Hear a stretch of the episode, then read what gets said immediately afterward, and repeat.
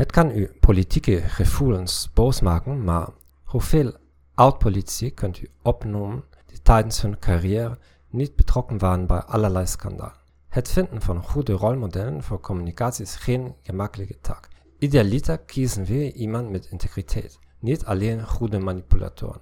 Als je familieleden hebt die allebei heel goed kunnen communiceren en die integer zijn, dan is dat geweldig. Ik wil je in ieder geval aanraden om rolmodellen te zoeken in teksten. Zowel in religieuze teksten, dat hangt af van je religie, als in de klassieke literatuur, vooral in theaters. Waarom?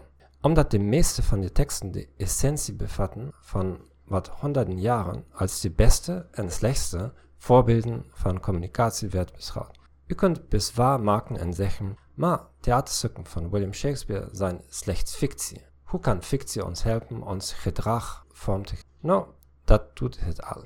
Elk plan dat u heeft, uw rode voornemen voor het nieuwe jaar, reisplan, wekelijks werkplan, is volledig fictief. Het is nog niet echt. Het zit alleen in je hoofd of het hoofd van je baas. Als je echter om je heen kijkt, worden er nogal wat dingen gedaan geïnspireerd door ideeën.